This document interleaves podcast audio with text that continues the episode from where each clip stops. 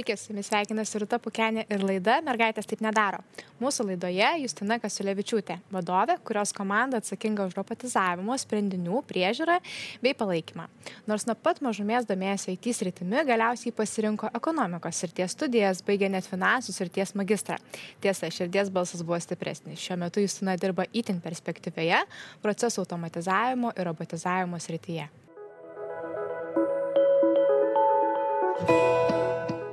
Sveiki, Justina. Sveiki. Justina, papasakokite mums, koks buvo jūsų kelias į tech. A, sakyčiau, tas kelias toks vingiuotas buvo, nes iš tikrųjų su technologijom ir IT susidūriau dar mokyklos laikais, bet studijas pasirinkau visiškai ne IT tai tai po jų kol kol radau darbą kuris man patiktų tai šiek tiek užtruko vadinkim taip nes studijuodama ekonomiką galvojau kad ir turiu ieškotis darbo su ekonomika susijusio nepavyko tokio rasti iš karto tai tai tiesiog darbinausi į tarptautinę įmonę kad galėčiau kažkaip būčiau susijus bent jau su finansais, nežinau, kažko, kažkur jie būtų fone.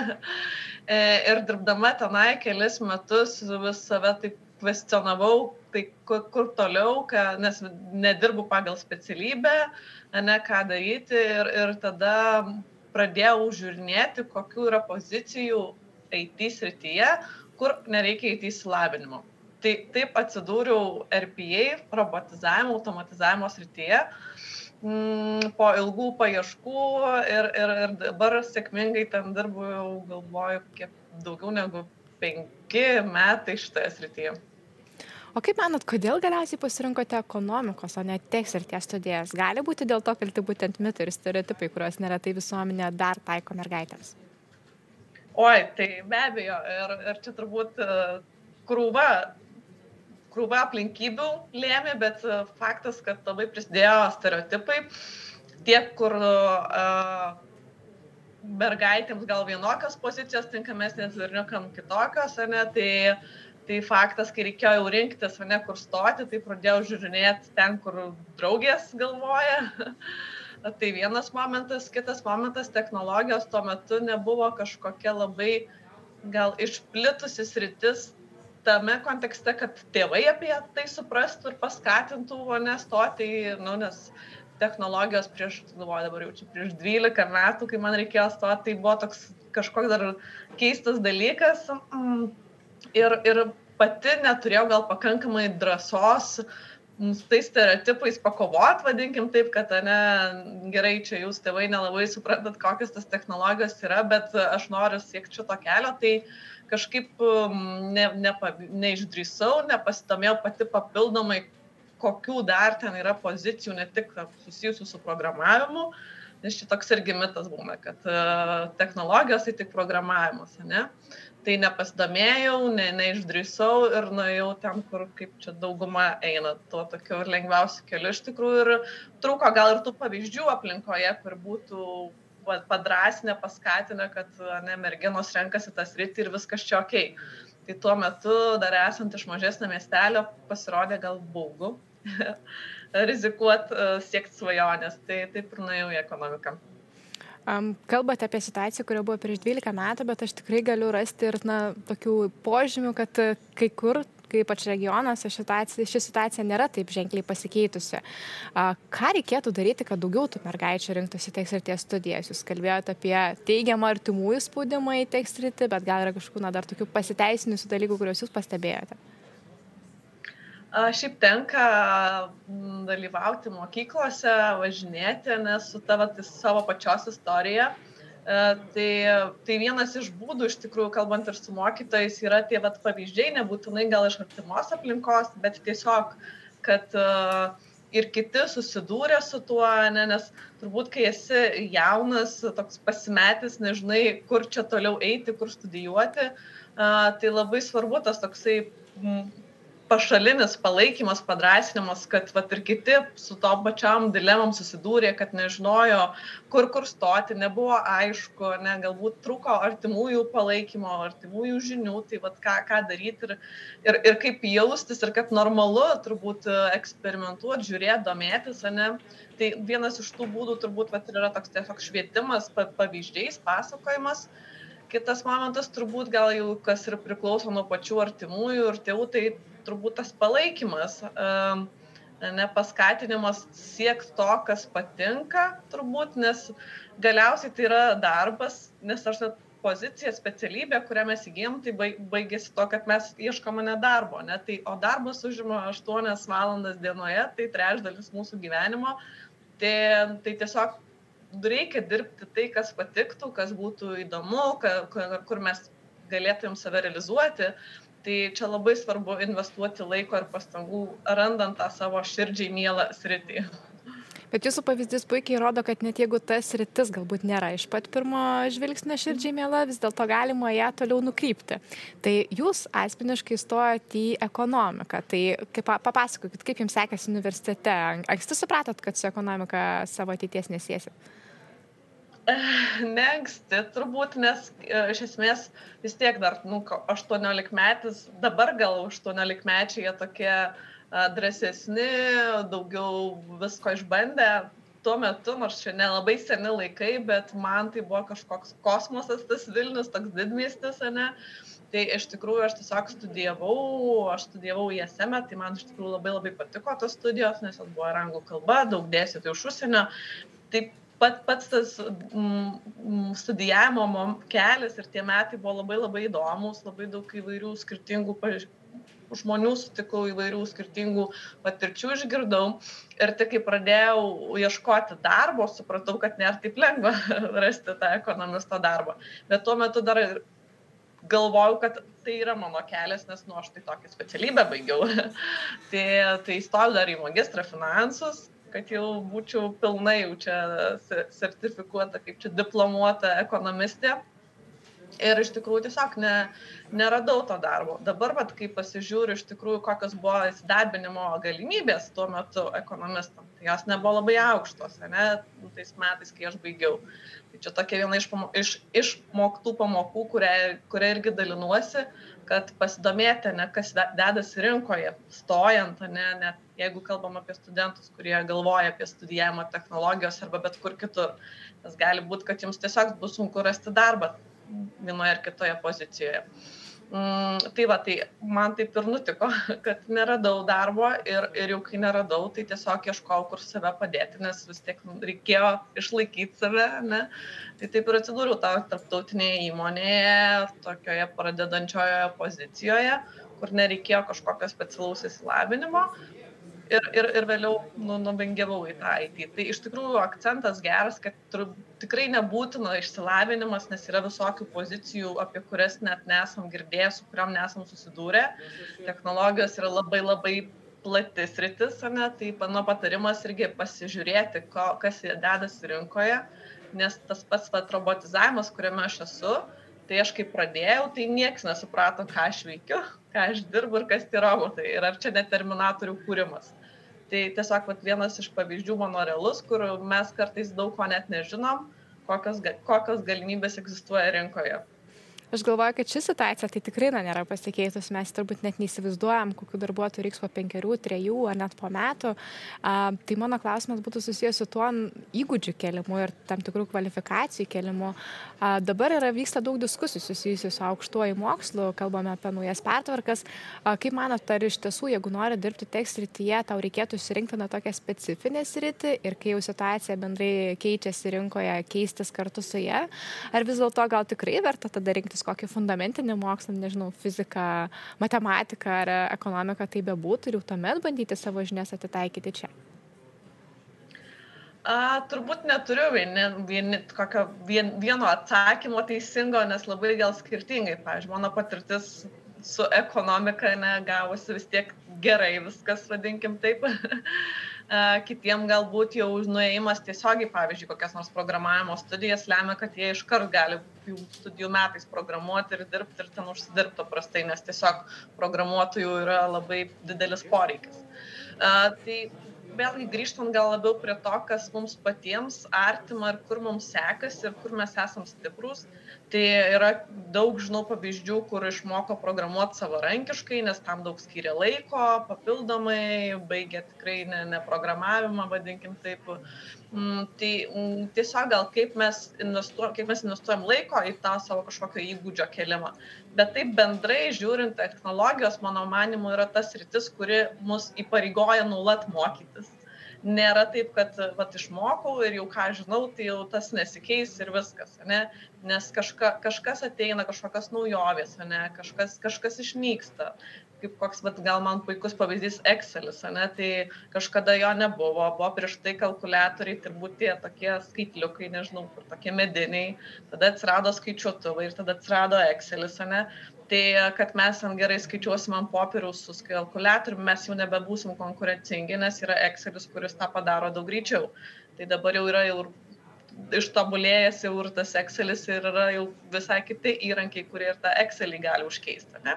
Tai čia tiesiog, kad irgi tas technologijos, jos, jos įpareigoja mokytis, domėtis ir niekada nenustot gilintis plėsti savo žinias. Mano darbo diena irgi susijusi dažnai būna su to, kad tu tiesiog žiūri, mokaisi, kas dar yra naujo, nes tiesiog tam, kad tu galėtum um, pritaikyti tam tikrus dalykus savo darbe.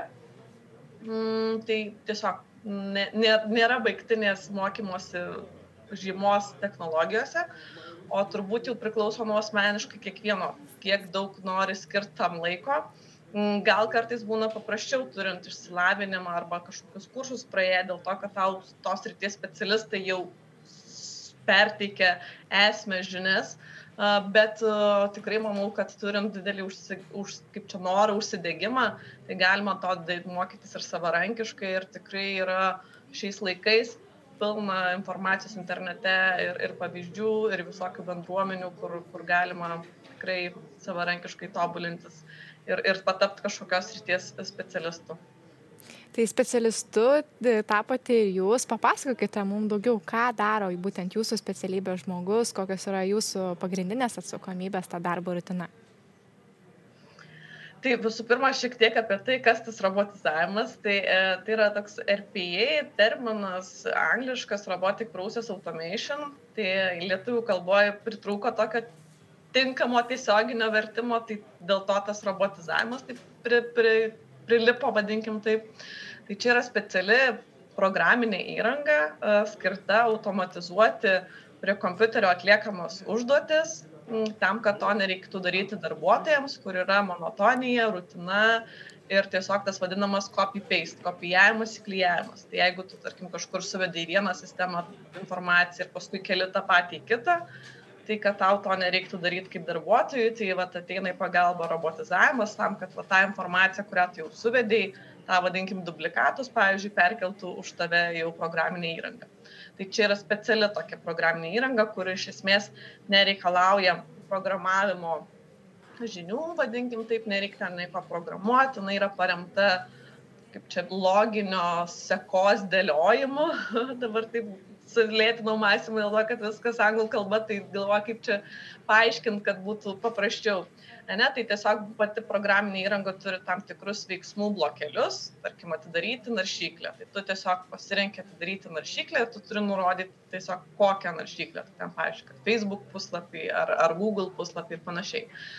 Tai, tai va, tai čia tokia ta mistinis tas robotizavimas, iš esmės uh, tiesiog automatizuotų veiksmų sekų kūrimas o mano darbo diena tai šiaip iš esmės susideda dažniausiai vat kaip ir minėjau ir iš to tam tikro mokymosi žiūrėjimo kas vyksta kas yra naujo. Dėl to kad aš pati užimu vadovaujančias pareigas tai turiu turiu komandą kuri atsakinga už tų robotų kūrimą priežiūrą Tai vienas iš momentų yra domėtis, kas vyksta e, kitose įmonėse, kaip kiti pritaiko tą vieną ar kitą sprendinį, kad tas, tarkim, stebėjimas, stebėsena būtų efektyvesnė.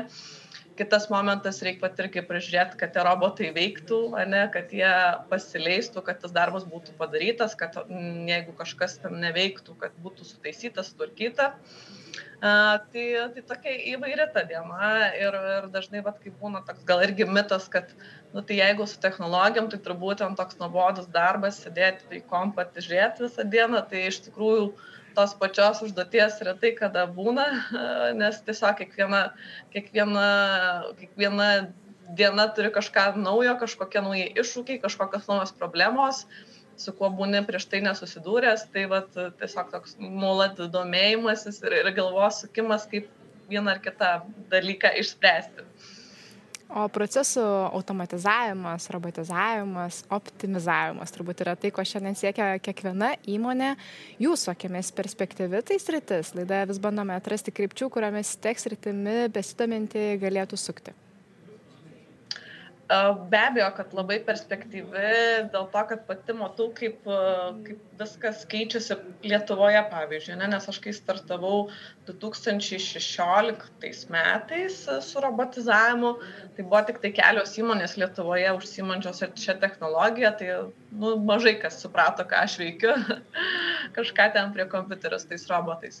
Dabar jau praėjus vat, penki, beveik šeši metai, tai daug daugiau Lietuvos įmonių pritaiko šią technologiją, vis naujų ir ne tik užsienio kapitalo, bet ir lietuviškų įmonių nepritaiko šitą technologiją. Tai tiesiog matosi tas, tas, tas pasikeitimas, tas proveržis labai labai, va, ypač, tarkim, Lietuvos kontekste, nes kai kurios technologijos jau užsienyje pritaikomos ir daug anksčiau, tai nu, man aktualiau tai, kas, kas liečia mus pačius.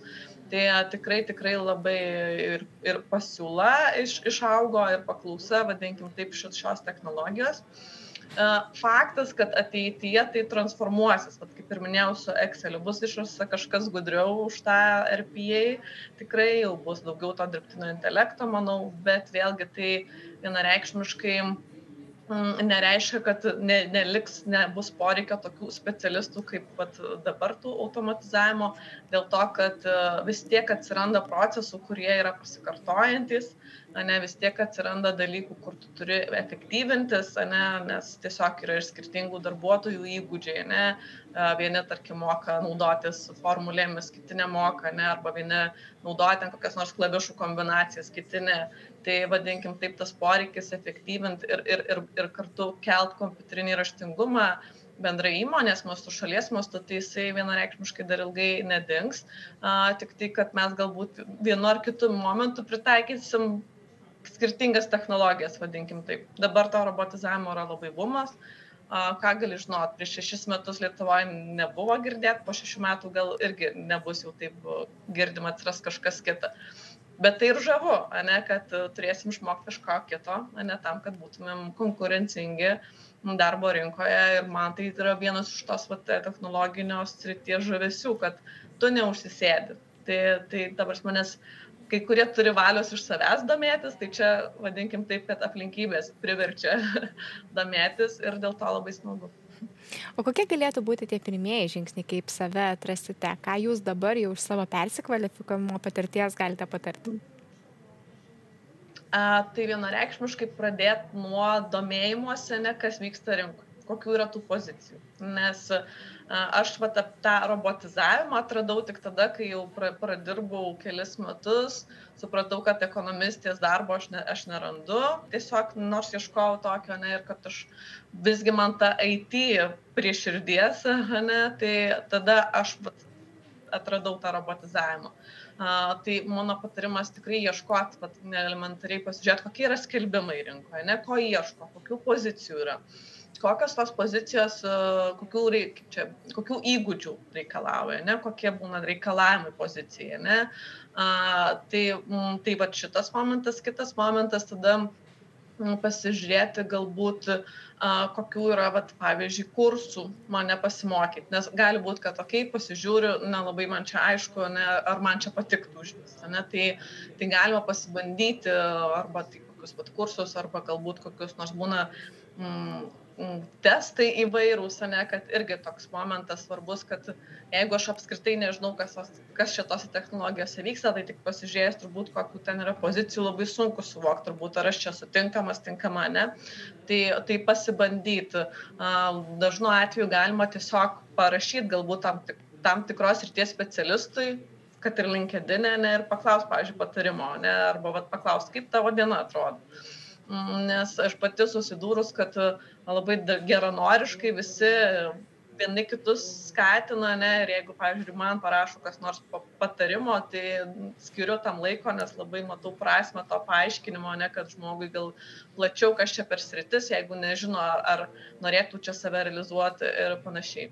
Ir dar gal trečias toks patarimas, tai tikrai nebijot, gal surizikuot, vadinkim taip, nes su kuo susidūrusi su, kad būna kitoms, bet ypač moteriams pritrūksta to gal pasitikėjimo savim, ne? Tai ką čia aplikuosi, ai, tai čia netitinku kriterijų kelių, arba ai, nu tai čia bus geresnių, ne? Tai, tai sustot šitą momentu ir pagalvoti, o kas blogiausia gali nutikti, jeigu jūs aplikuosi na iš esmės nieko gali nebent nepakviesti interviu. Bet ar čia realiai toks tikrai blogas dalykas? Nu tai nepakvies tai nepakvies. Realiai status quo kaip ir dabar ane bet kas geriausia gali nutikt tai gali pakviest gali dar net gaut svajonių darbą arba bent jau pakvies interviu tai bus praktika galės jau tada eičarų tie kurie samdo paklausti ne aha o tai ko man pritrūko kokių įgūdžių turėčiau dar gaut o gal pavyzdžiui gausit kokią nors galimybę stažuotis toje įmonėje. Tai tiesiog to tokio pasitikėjimo savim išdrįst, ne, nors ir jausitės kažkaip, nežinau, nedrasiai, bet tiesiog užsimerkti ir išsiųsti tą CV ir jau tada duoti, taip kaip sakau, likimui, ne, sužaisti. Nes iš esmės mes dažnai net nepabandom dėl to, kad turim kažkokių minčių savyje, jog esam nepakankami, kažko trūksta ir panašiai, kas iš esmės yra tiesiog tokios mūsų pačių susikurtos prielaidos. Man atrodo, kad moteram tai įtim būdinga, dėl to čia ir matome, kad situacija yra tokia, kad e, tiek srityje jų trūksta. Norėjau paklausti, kaip yra robotizavimo, automatizavimo srityje. Užsiminėt, kad vadovaujate komandai vyriškai, moteriška. Koks yra tas ryčių pasiskirstimas? Na dabar tai, tai vyriška, prieš tai turėjau sėkmę susirasti vieną merginą prieš tai, kur dirbau įmonėje, bet iš tikrųjų labai mažai mm, moterų yra, mm, vadinkim taip, palyginus su vyrais. Aišku, ne, nežinau kaip visose įmonėse, bet ypač kas iš kandidatuavusių pusės, tai būdavo pagrindė tik tai vaikinai. Ir tarp kitko, vat, turiu ne, ne seną pavyzdį, mano vat, buvus kolegė kaip tik ieško darbuotojų iš tą sritį ir parašė vienai merginai, kad uh, suaplikuok ir jinai sako, tai kad aš čia galbūt, vat, nu, su tuo tokiu, kad, ai, tai gal aš čia dar per, per žalę, ne, ne, nežinau, nemokėsiu. Ir, ir mes taip kalbam, sakau, bet tai tu pati jai parašėjai, ne, nu, tai reiškia, tu žinai, matai, kokia jos patirtis ir vis tiek tai merginai buvo toksai, ne, kad, ai, nu tai čia toks kažkoks, gal aš esu netinkama, ne. Uh, tai tai vat nu iš tikrųjų tas labai toks stiprus faktorius gaunasi kad net kai mus jau kalbina matydami mūsų patirtį mes dar vis tiek kažkaip ne taip nedrąsiai jaučiamės. Reik taip tiesiog, nu, aš kaip sakau, tinkamas žodis turbūt surizikuoti, nu, tai kas blogiausiai gali nutikti, nu, iš esmės, taigi net jau ne pats aplikuoja, net tave kalbinasi, tai jau, jau faktas, kad įvertino rizikas, ne, ką, už, už ir prieš, kai, kad tu kažko nemoki. Mm, bet, nu, ta prasme, tiesiog gal tas mūsų sustabdo dažnu atveju nuo kažkokių dalykų, kur galbūt net labai sklandžiai viskas praeitų. Nes iš esmės tų specialistų yra trūkumas ir dažnu atveju tu ir samdai žinodamas, kad tu samdai žmogų be patirties, su tikslu, kad tu išmokysi viduje įmonės, nes uh, daug kas jau turi įvairius tantus apmokymo, kaip čia training komandas, kad sklandžiai įvesti ir, ir išmokyti reikalingų įgūdžių viduje komandos. Tai tiesiog reikia norinčių, motivuotų darbuotojų, nepaisant to, kokia jų lytis.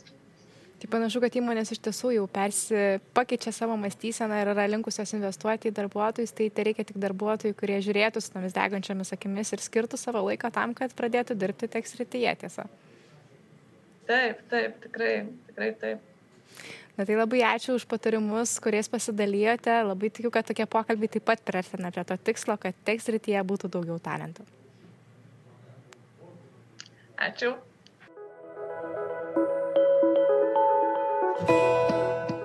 Ačiū ir jums, žiūrovai, kad buvote kartu su mumis. Padėkoti taip pat norėčiau laidos remėjai ir partneriai Baltika Modėjos. Iki.